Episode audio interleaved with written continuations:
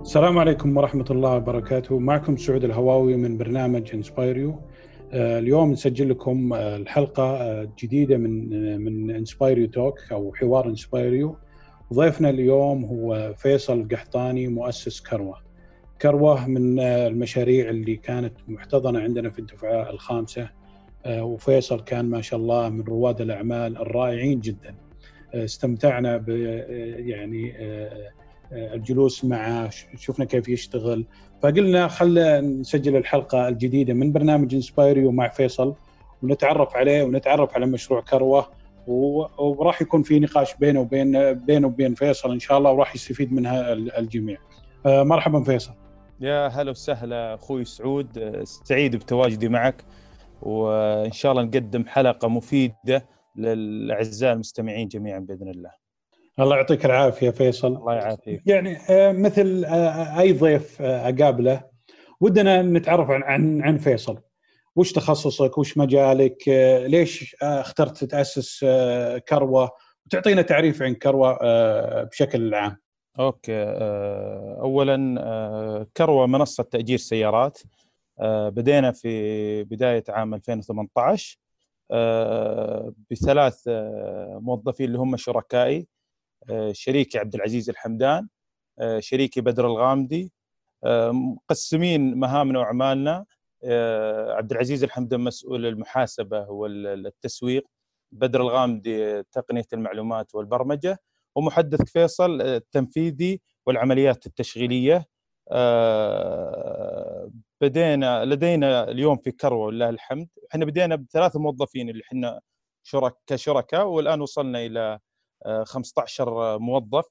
آه، الحمد لله في كروة. إحنا في كروة حاطين يا أبو نوره مصطلحات خاصة فينا. على سبيل المثال الحليف نقصد فيه شركة تأجير السيارات. آه، كروة حتى كمعنى ومسمى ماخذينه من معنى الايجار والإعارة قديما كمسمى عربي.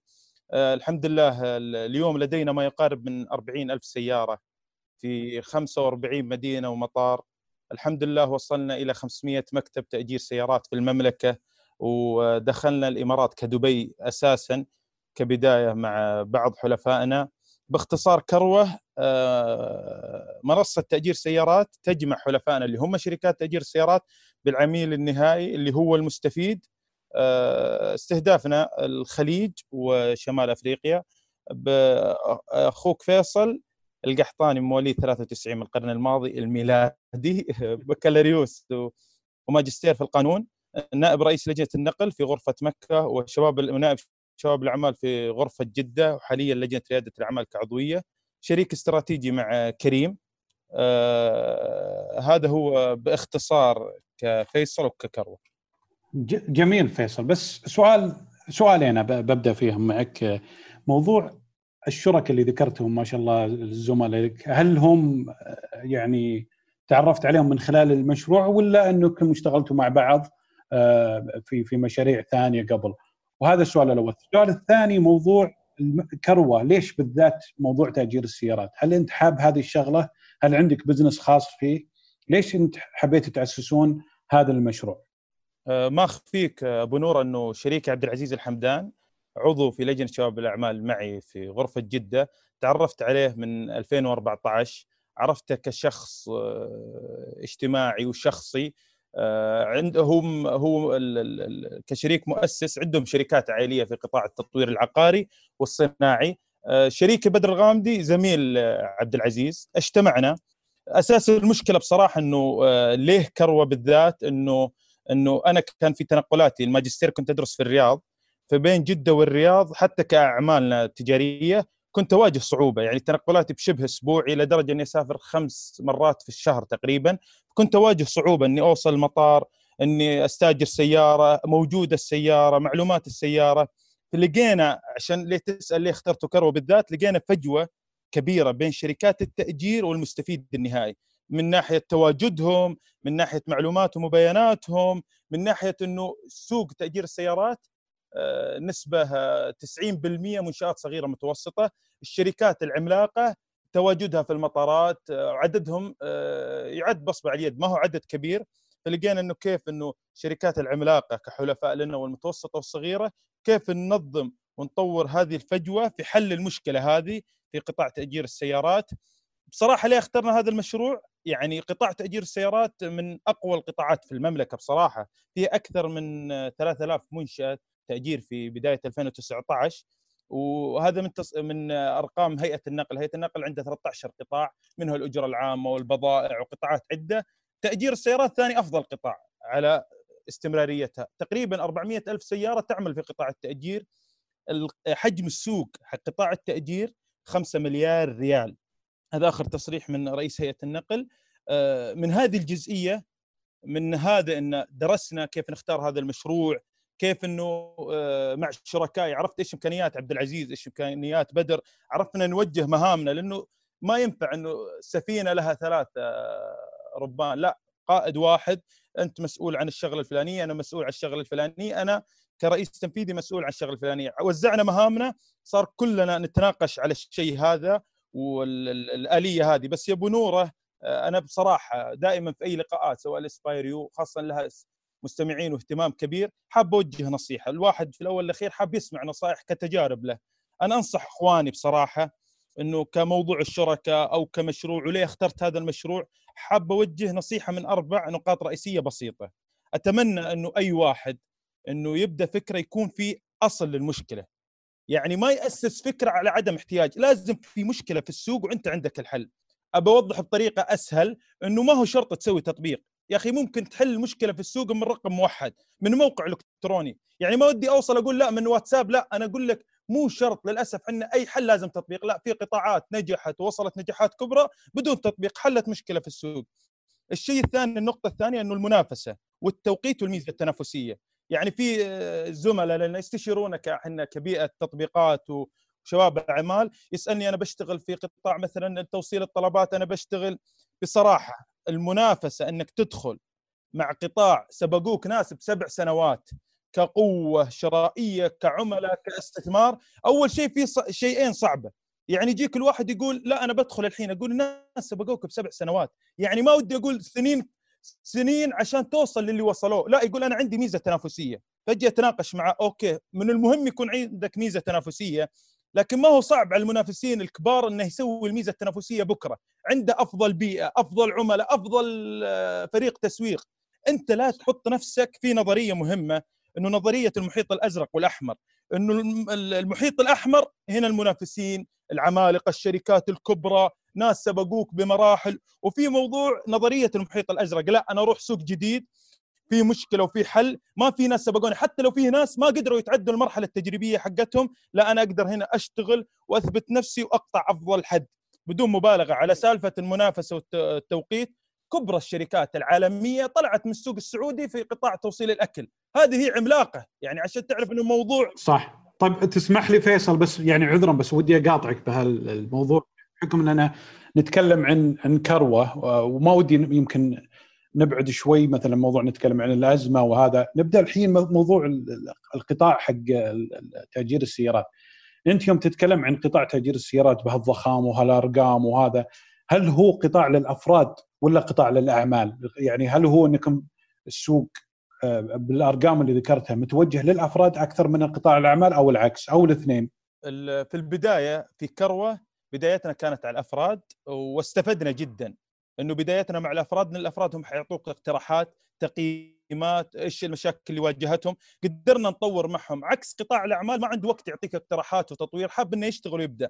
بدايتنا كانت أفراد بعدها بفترة بسيطة دخلنا قطاع الأعمال. في قطاع تأجير السيارات كلاهما مفيد لقطاع التأجير اللي هم الأفراد والأعمال. حطينا منتج عندنا كروة بزنس إنه الواحد لو عنده شركة أو مؤسسة أو حتى متجر في الإنستغرام وحاب يستاجر سيارتين من سنة إلى من شهر إلى ثلاث سنوات نوفرها له بعروض من شركاتنا حتى كأفراد إنه يقدر يستاجر يوم وأسبوع وشهر حتى كخدمة توصيل. وعندنا اللونج ليز اللي هو تأجير طويل الأمد.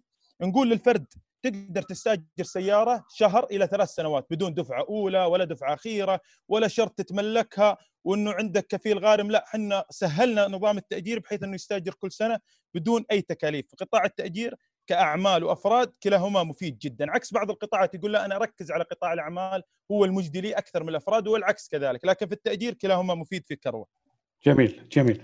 طيب إحنا نبي ودنا نتكلم على موضوع ال ال ال إدارة الأسطول حق السيارات في السوق. هل هو يدار دائما من شركات أفراد ولا من شركات آه، يمكن معروفة عندها أكثر من محل ولا هو دائما الشغل يعني تركز على الأفراد؟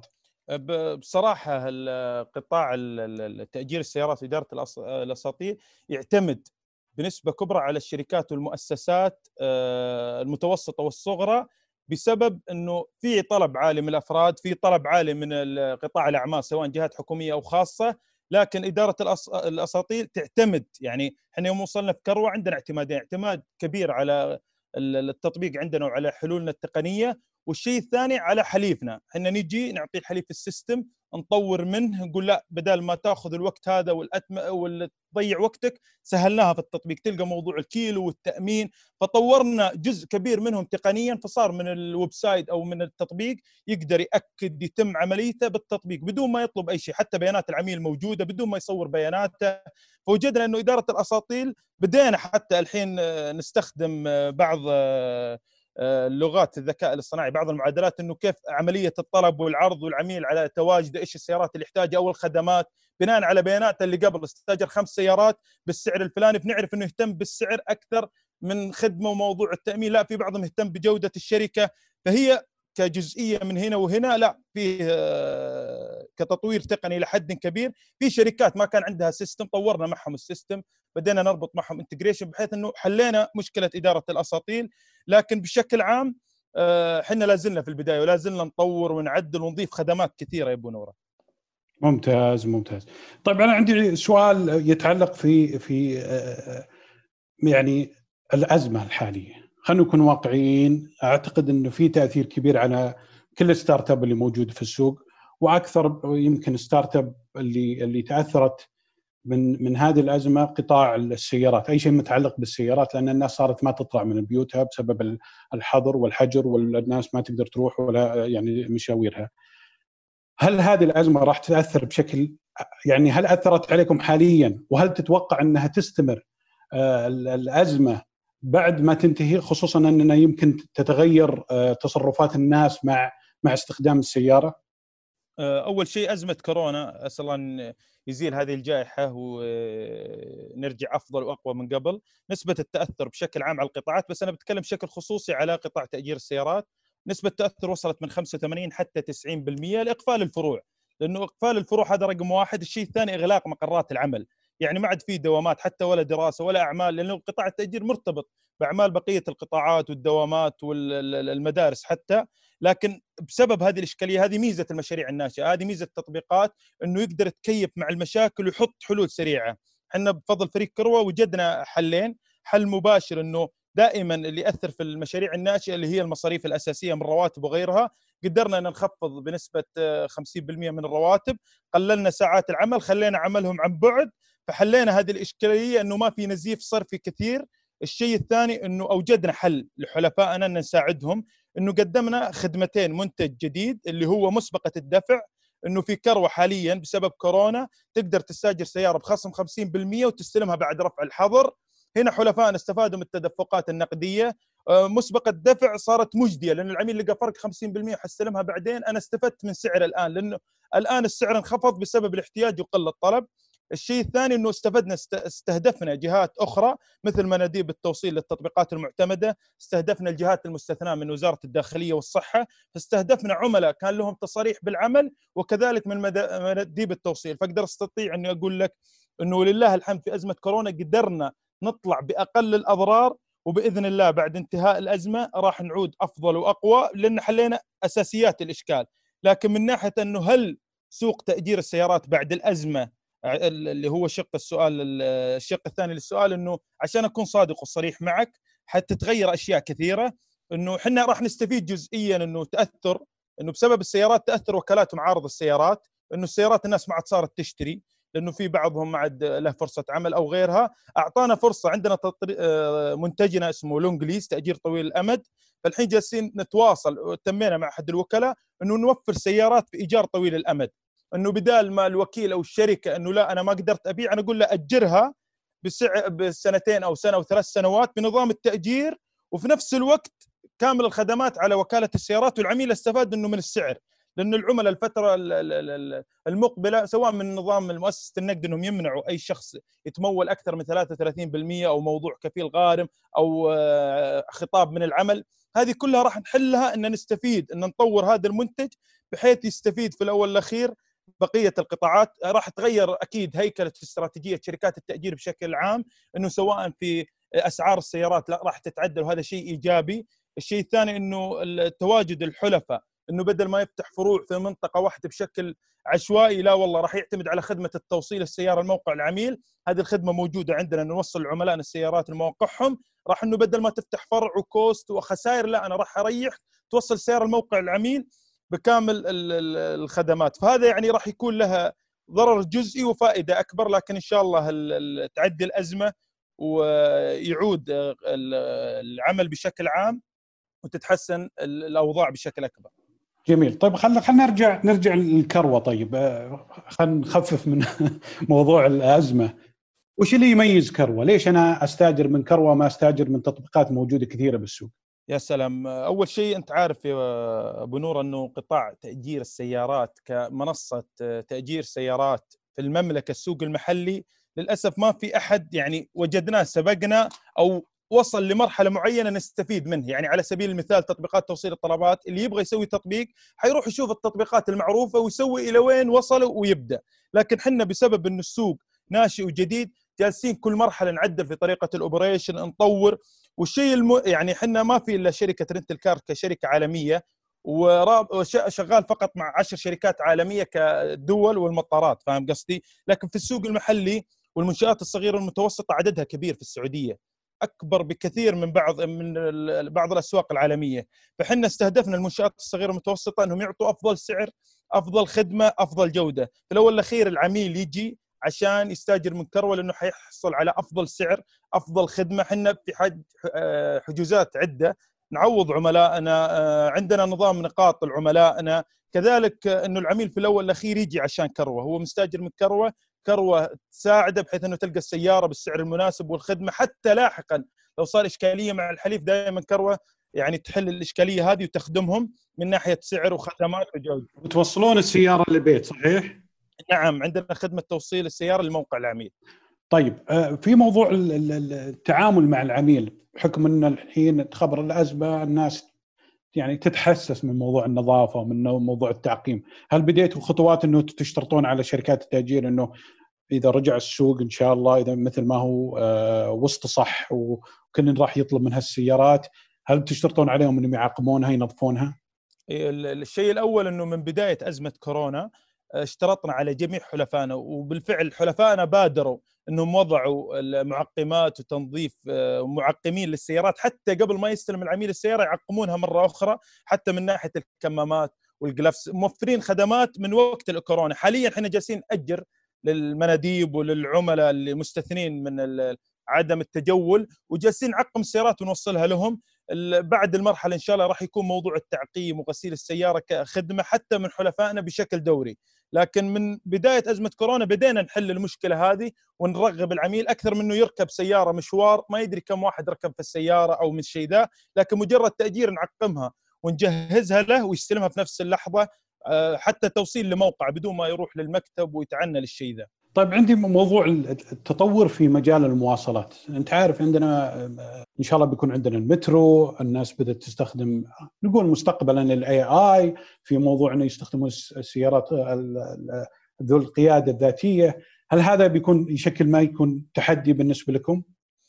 بالنسبة مو بس فقط اللي قلته أبو نوره كتحدي هي تحديات مختلفة متعددة. لكن الشيء الأول اللي إحنا في على الشيء الأساسي في كروة إن نهتم إلى أي مرحلة وصل قطاع التأجير بشكل عام. يعني إحنا دخلنا على قطاعات أخرى إنه الفرد يقدر يأجر سيارته لكن إحنا قدرنا نحس سعرنا يكون مميز كشركة من الأفراد. إنه كخدمة كأسعار قطاعات المترو والأشياء الأخرى راح تأثر على بعض القطاعات لكن تأجير السيارات بحجم القوة المالية اللي تحصل له في دول مثل ما رحنا وسافرنا وكذلك مع سبايرو آخر رحلة كان في مترو وقطارات وكل شيء وكان قطاع التأجير عندهم حيوي وشيء أساسي لأنه شيء اعتمادي يستهدف الأشياء الدورية من مترو وغيرها بعض الأفراد من بعض الأشخاص لكن في بعض الدول اللي رحنا لها وجدنا إنه فيه مترو وقطارات وخدمات وباصات تنقل بشكل آه، كبير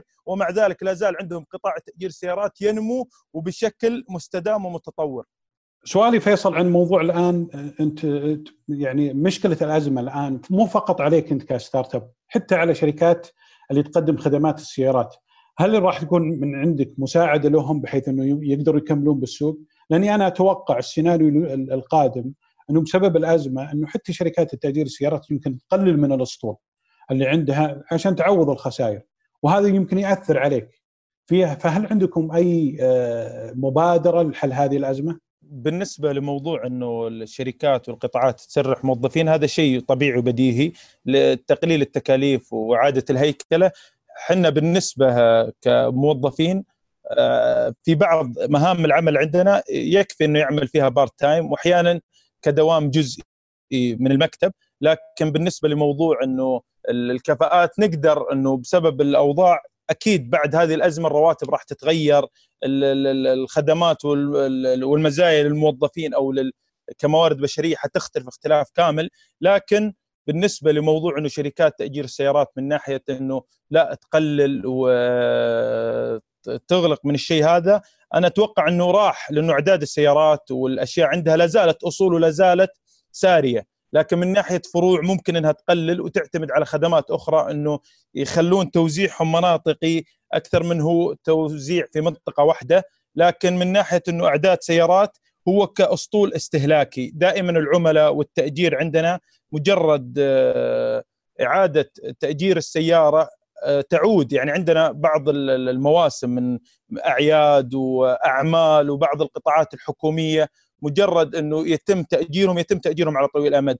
أنا أتوقع إنه حتكون منافسة جزئيا بين وكالات ومعارض السيارات مع قطاع التأجير لأنه كذلك وكالات ومعارض السيارات يبغون يبيعون يعطون مدد انتظار ومهلة أكثر لكن ممكن نقدر نستفيد إنه وكالات معارض السيارات يقدروا يعطوا تأجير على أمد طويل وكذلك شركات تأجير السيارات إنها تحافظ على نفسها زي أي أزمة في شركات يكون لها فرصة للنمو وإنها تكون حجمها وقوتها أكبر وفي شركات تغلق وتخرج من السوق. فهذه معادلة مثل أي معادلات في قطاع المطاعم في قطاع الأغذية. لكن إحنا كيف ان نستفيد؟ إنه الأسعار ممكن حلول أكبر للشركات إنها اللي راح تقفل فروعها إنها لا راح توفر خدمة توصيل لحل هذه المشكلة إنها توفر أسعار مميزة عشان تحل هذه المشكلة. بعد هذه الأزمة يا نورة صار للتطبيقات والحلول التقنية اهتمام مرة كبير. يعني إلى درجة إنه المطاعم وقطاعات أغذية كبيرة ما كان لها اهتمام في التطبيقات.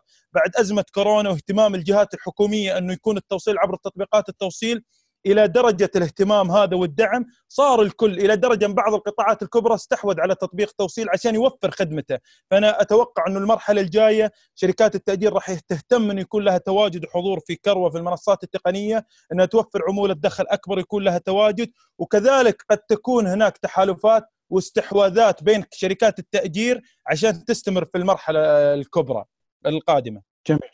طيب فيصل نبي عاد هالسؤال جاوبنا بصراحة. ما كلمك أحد من المستثمرين؟ أه بصراحة أبو نور أنه أه بداية من من دون من دون ما تفصح تعطينا تفاصيل. okay okay. ما راح ما راح أقدر أفصح لكن بدون مبالغة أه وصل يعني مجرد ما دخلنا في inspireU بصراحة عرفتنا على مستثمرين أكثر وكان بدون مبالغة بشكل شهري أو أسبوعي يوصلنا أه تواصل بعض المستثمرين رحنا لهم بعضهم جونا في جدة بعضهم تواصلنا معهم بعضهم حتى خارج السعودية. لكن آه، عندنا وقريبا إن شاء الله آه، أخوي سعود راح تسمع أخبار جميلة في الموضوع هذا في الاستثمار وكل شيء في وقته حلو. ممتاز ممتاز. طيب خلينا نرجع لموضوع المحافظة على العملاء. يعني شيء مهم جدا في أي شركة في أي بزنس هل أنتم عندكم طرق أنكم تحافظون على العملاء؟ هل في مثلا برنامج ولا في نفس التطبيق؟ عندنا حاليا بالنسبة لنظام ولاء نقاط للعميل. كل عملية تأجير يستأجرها يكون له نظام نقاط حتى في أولوية الحجوزات. مجرد تتم حجوزات الأولوية للعملاء الدائمين العملاء إحنا حاليا نرتب يعني تمينا بعض الاتفاقيات مع بعض القطاعات الحكومية والخاصة خصومات لعملائهم بحيث إنه نجذبهم على شيء أكبر. فصار عندنا حاليا عندنا نظام نقاط آه، بكل عملية تأجيرية أو مبلغ يدفع راح تستبدل له نقاط. كذلك عندنا آه، أكواد خصومات لعملائنا مجرد عودة العميل للمرة الثانية والثالثة يكون له سعر أفضل وأفضل حتى في موضوع تمديد عمليات الحجز. عملائنا العميل دائما يهتم بالخدمة الممتازة. دائما يهتم إنك تسمع منه يهتم إنه إذا حجز تتواصل معه تشوف إيش المشكلة اللي واجهته. كثير من العملاء يكون له ردة فعل جميلة جدا مجرد تواصلنا معه كيف خدمة التأجير كيف العملية. إحنا دائما نهتم بجودة عملائنا حتى من أسعار حلفائنا. عندنا حلفائنا سعر الفرع عنده تلقى السيارة بسعر معين إحنا في سعر الأونلاين ناخذ سعر أقل عشان نرغب العملاء إنهم يحجزون عن طريق الأونلاين ويكون لهم رغبة. فالمرحلة الجاية مرحلة اهتمام العميل هي أكبر آه، دافع إنه يستمر يكون استمرارية لبعض الشركات. طيب من تجربتك يا فيصل على موضوع التواصل مع العملاء، أتكلم طبعا قطاع الأعمال الشركات اللي توفر لك السيارات، هل واجهت هل واجهت يعني رفض بالبداية؟ هل هم كانوا متقبلين الفكرة أو إنه احتجت وقت طويل إلى ما تقنعهم في في في موضوع كروه؟ أه، بصراحة هذه من الصعوبات اللي واجهناها إنه كيف تقنع شركات تأجير شغالة بعضها من 10 15 سنة من فروع تقليدية بدون أي منصات إلكترونية يقول ليه يجي يحجز عن طريقك واجهنا صعوبات إلى درجة إن بعض العقود كانت تتم بعد شهرين ثلاثة بعضها ستة شهور لكن ولله الحمد مجرد عدينا السنة الأولى وقعنا وصلنا ل 300 مكتب تأجير إلى الآن وصلنا 500 مكتب تأجير. صاروا الحلفاء نفسهم شركات التأجير يتواصلون مع بعض يقولوا وقعوا مع كروة راح توفر حجوزات وعملاء آه، من فئات مختلفة. فصار لله الحمد حتى مع أزمة كورونا قدرنا نوقع عقود مع شركات تأجير سواء كبرى أو متوسطة أو صغرى. لأنهم وجدوا أنه الأزمة هذه لازم يشوفون حلول فقدرنا أن نتم اتفاقيات وتعاقدات معهم فاستفدنا من هذا الشيء. المرحلة بعد تجربتنا الأولى واقنعناهم يعني في شركات كثيرة أقنعناهم بعد ما تم الشغل والعمل. لا والله صار يقدر إنه يدخل عبر التطبيق عبر الأونلاين أكثر. يعني تلقى عنده 20 فرع يقول عبر التطبيق يدخل قوة خمسة ستة فروع، أحيانا بعضهم يوصل أقوى من بعض المناطق عنده، فصار لا والله عنده دافع يحط سعر يحط خدمة يحط مميزات العملاء آه، تطبيق كروة. جميل جميل. طيب آه، أنا ودي يمكن ما شاء الله اللقاء ممتع وسولفنا واجد في في في في كروة وقطاع السيارات، لكن أنت كتجربتك في موضوع إنك تخلق business يصير عندك موظفين ويصير عندك تطوير للمشروع و IT وعلاقات عملاء وش نصائحك؟ هل يعني عملية تأسيس المشروع صعبة ولا سهلة؟ هل هي تحتاج نفس طويل ولا تحتاج يعني إنك تشتغل كأنك موظف عادي من الساعة 7 الصباح إلى 5 العصر وتقول لا عادي أقدر أكمل يومي ولكن أو إن الستارت أب يحتاج يشتغل طول اليوم فودنا تعطينا تجربتك في موضوع تأسيس مشروعك الناشئ. أول شيء أبو نوره أنا كنصيحة إنه الشخص قبل ما يبدأ أي business مهما وصل إن عنده دراسة جامعية في تخصص إدارة الأعمال أو غيره لابد يعيش تجربة إنه يكون موظف. أنصح إنه يشتغل في مشاريع ناشئة لسببين إنه راح يشتغل في أكثر من عمل تلقاه اليوم يشتغل في التسويق بكرة في ال operation بعد بكرة ينزل ميداني لأنه ال startup والمشاريع الناشئة راح تكون سهل إنك يكون تأثيرك كبير وتتعلم تتعلم كيف تتعامل مع الموظفين تتعلم كيف تنزل ميدان وتتناقش وتتفاوض مع الشركات تتعلم كيف تتحاسب تتعلم كيف الإجراءات الحكومية والاليه تتعلم كيف حتى إنه مرحلة الموظف كيف تطور من إمكانياته تحفز موظفينك فلا بد مهما وصل. ريادة الأعمال وال startups ما هو سالفة إنك سويت لك تطبيق وإني أنا شريك مؤسسة ورئيس تنفيذي إنه حل لا والله شيء ممتاز. أنصح الشخص يتعلم. أنا بصراحة الفائدة الكبرى بفضل الله اولا وبفضل والدي أنا من يوم كان عمري 12 سنة الوالد شغال في قطاع الأجرة العامة من 30 سنة ومن المستثمرين وأسس عدة شركات. من كان عمري 12 سنة كنت أرجع من مدرسة الظهر والعصر يطلع للشركة ويخليني أداوم معه من العصر حتى الفترة المسائية. كنت أستفيد بصراحة يعني استفدت من ناحية إني أتعامل مع الموظفين. إلى درجة إن عمري 12 كان يناقشني الوالد الله يطول عمره ويديمه. انه كيف يتكلم معي كشخص عاقل ومدرك. كيف بنسوي الشيء ذا؟ حتى اجتماعات الإدارة. انت تخبر إنه قطاع الأجرة العامة مرتبط بكافه الجهات الحكومية. لأنك إذا تبغى تطلع سيارات لازم توقع مع النقل تروح وزارة النقل ثم المرور وعشان التأمين تروح مؤسسة النقد وعشان موضوع العمالة والوافدين لازم تروح لوزارة العمل والتأمينات الاجتماعية. بسبب الشيء هذا كله استفدت اني صرت كنت اراجع جهات حكومية وقطاع خاص واستفدت كيف اطور علاقاتي الاجتماعية. إلى درجة اني اطلع أروح أجيب السيارة صار لها موضوع حادث لا أروح المرور. فصار عندي تجربة اجتماعية كيف أقدر اربط علاقاتي بشكل مناسب كيف اقنع الموظف انه يستمر في العمل. فاستفدت منها إلى درجة كبيرة جدا كممارسة مهنية. وكذلك التجربة الممتازة هذه كتجارة تقليدية. يعني في قطاع الأجرة العامة إنك تجيب سيارة وسواق. خلاص هذه تجارة تقليدية معروفة. في عام 2014 وقعنا مع شركة كريم كشريك استراتيجي. فكانت هذه التجربة جدا ممتازة. ومسي على الدكتور عبد الله الياس بالخير لأنه بصراحة كريم من التجارب السريعة النمو والنجاح وكنا قريبين إلى درجة انه التجارة التقليدية تختلف تماما عن المشاريع الناشئة كإجراءات كقرارات كأعمال لأنه التجارة التقليدية واضح شغلها. مثلا تفتح دكان حيصير زي كذا عكس التطبيقات والمشاريع الناشئة. تجربتي معهم إنه من 2014 وتشوف كيف إجراءاتهم في العمل واختيار الموظفين وكيف خدمتهم للعملاء وكيف يحلوا المشاكل اللوجستيك. فهذه استفدت منها فائدة عظيمة طورت بشكل كبير إلى حتى إني تحمست ودرست إيش المشروع أو القطاع اللي يستحق إني آه أدخل وأعمل فيه. أنا وشركائي كان هو قطاع تأجير السيارات عبر تطبيق كروة. فهذه لابد إن الشخص يتوظف يأخذ تجربة يأخذ خبرة. وقت ما يكون عندك بزنس ترى ما حتداوم ثمان ساعات ولا تسعة. حتداوم أحيانا 12 ساعة وأحيانا توصل 24 ساعة. أحيانا يمكن تواصل في المكتب عشان تيجي مشكلة عندك لازم تحلها قبل ما تطلع. موضوع إنه الشيء هذا لا أنا أنصح فيه. والشيء المهم بعد يا أبو نورة إنه الشخص يبحث عن الشريك المناسب.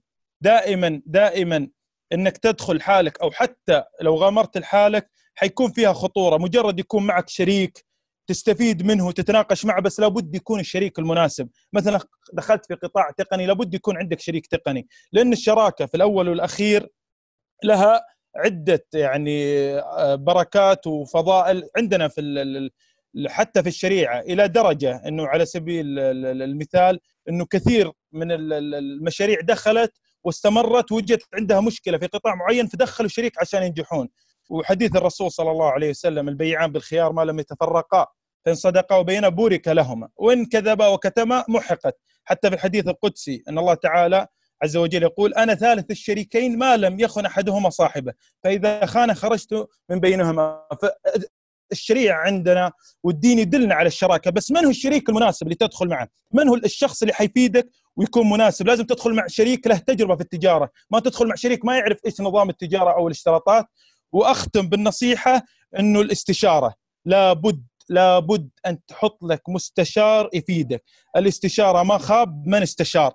أه، بصراحة على طار الاستشارة حاب أشكر ثلاث أشخاص الأخ طارق الإنجاوي والأخ مصعب الحكمي والأخ نبيل النور إني أشغلتهم بصراحة يعني كاستشارات مع فارق التوقيت والله بدون مقابل بدون شيء وبصراحة بعضهم من بركات inspireU انهم عرفتني عليهم فأنصح إخواني إنهم يختاروا المستشار المميز اللي بيفيدك في قطاعك أو في عملك وبتستفيد منه جدا جدا. طيب آه، فيصل ودي أسألك عن موضوع تذكر زيارتنا للسيليكون فالي، شفت السوق هناك كيف يشتغلون ال startup، شفت قطاع تاجير السيارات. وش تجربتك من هذه الزيارة؟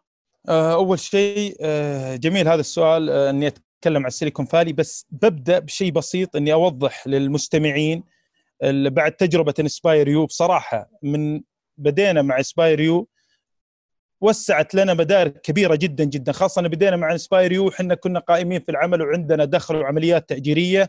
أنصح إنهم يركزون على حاضنة أو مسرعة تفيده وتكون إضافة له دون مبالغة. أول مرة والمسرعه الوحيدة والحاضنة اللي قدمنا عليها كانت inspireU فقط. وبصراحة كانت تجربة ثرية جدا. من ناحية توسيع مداركنا تعلمنا الشيء الكثير. وبصراحة من المنطلق هذا حاب أشكرك أنت يا أبو سعود. من ناحية اهتمامك وحتى كل ما قدمته لنا من العلاقات من تواصل من إشكاليات تواجهنا. حتى في رحلتنا الأخيرة في السيليكون فالي يوم كنت قائدنا أشكر حبيبنا فراس الهريش خالد الحسين جميع شباب وشابات إنسبايريو. بصراحة أنا لازم أتكلم على الشيء هذا لأنه شيء مهم. أنصحهم جميعا المستمعين الشباب الأعمال إنه يركز على مسرعه أو حاضنه واحدة أو اثنين، لا يضيع جهده إنه يدخل خمسة سبع مسرعات أو حاضنات، أنصح إنه الواحد قبل ما يقدم على أي شيء يعرف إيش المسرعه اللي بتفيده، على سبيل المثال مسبايريو يعني كانت وقتها حتى بعضها كانت ما تجاوز قيمتها بضعة ملايين يعني سواء من فكرة أو حتى مسرعه، فأنصحهم إنه يختارون من ناحية الأشياء اللي دامكم فتحتوا التسجيل حاليا من ناحية مستشارين متخصصين بدون مبالغة مستشارين من السيليكون فالي ناس كانوا يفيدونا فعليا للناس كان عندهم تجارب يعطونك إيش وصل السوق العالمي والمحلي إلى درجة إنه كانوا يتناقشون معنا. مو سالفة نعطيك الفكرة طبقها لا. كان يا إنك تقنع المستشار أو هو يقنع إلى درجة كيف السوق. عكس إنه يجي مستشار ما عنده business ولا عنده خبرة يعطيك ال business أنت على كذا حتشتغل على فكر المستشار المستشار. فعشان كذا لابد تختار مستشار متميز وتتناقش معه وتطبق اللي فكرك. انت ما فتحت المشروع عشان تطبق أفكار الناس لا أنت تطبق اللي في فكرك واللي في مزاجك. فعشان كذا الواحد يعرف إيش المنصة أو المسرعه أو الحاضنه اللي يحتاجها ويقدم فيها وانصحهم نصيحة لوجه الله إنه يركز دائما على مسرعه أو ثنتين لا يضيع جهده ويكثر تشتيته. وحاب أشكركم يا inspireU الشكر العظيم بصراحه يعني كروة آه، بداية مع inspireU يعني تخيل كنا ناخذ دورات ستة شهور كان كل شهر أسبوع وقبلها تأخذ لك أسبوع 10 أيام تحل الواجبات وتجهز التقرير. بصراحة كان تطبيقنا سريع لدرجة إنه كان عندنا ال operation والعمليات كنا نطبق اللي ندرسه فكان فائدته سريعة جدا من ناحية وبصراحة عرفتونا حتى على مستشارين على مستثمرين عرفتونا على ناس آه، بشك... صناديق استثمارية أو ملائكين حتى بشكل كبير. واجبنا يا فيصل لازم يعني هذا يمكن آه، أبى أضيف عليك إن بضيف على كلامك يعني إنه واجب أي مسرع إنه لازم تدعم ستارت أب اللي اللي اللي مثلك وشرواك اللي يشتغل ويجتهد ويتعب مشروعه فضروري إنك تقدم له كل هالخدمات. فالله يعطيك العافية يعني أنت ما قصرت ويمكن يمكن أكثر واحد أنت تستفاد من الخدمات اللي قدمناها و... وإن شاء الله نشوف المشروع يحقق نجاح أكبر. بإذن الله وحتى المنحة المالية خذناها كاملة يعطيكم العافية. الله يعطيك العافية. شكرا فيصل الله يعطيك العافية على اللقاء الممتع والجميل واللي استفدنا منه كثير خصوصا تعلمنا عن قطاع مهم اللي هو تأجير السيارات. أتمنى لكم التوفيق في الأسابيع القادمة خصوصا مع هذه الأزمة وأنا متأكد أنكم راح تكونون أقوى إن شاء الله خصوصا بعد ما ترجع يرجع السوق إلى إلى طبيعته ومتأكد إنه إن شاء الله كروه راح يكون له اسم كبير في المنطقة. بإذن الله. شكرا فيك. سعيد بلقائك. شكرا جزيلا أبو نورة.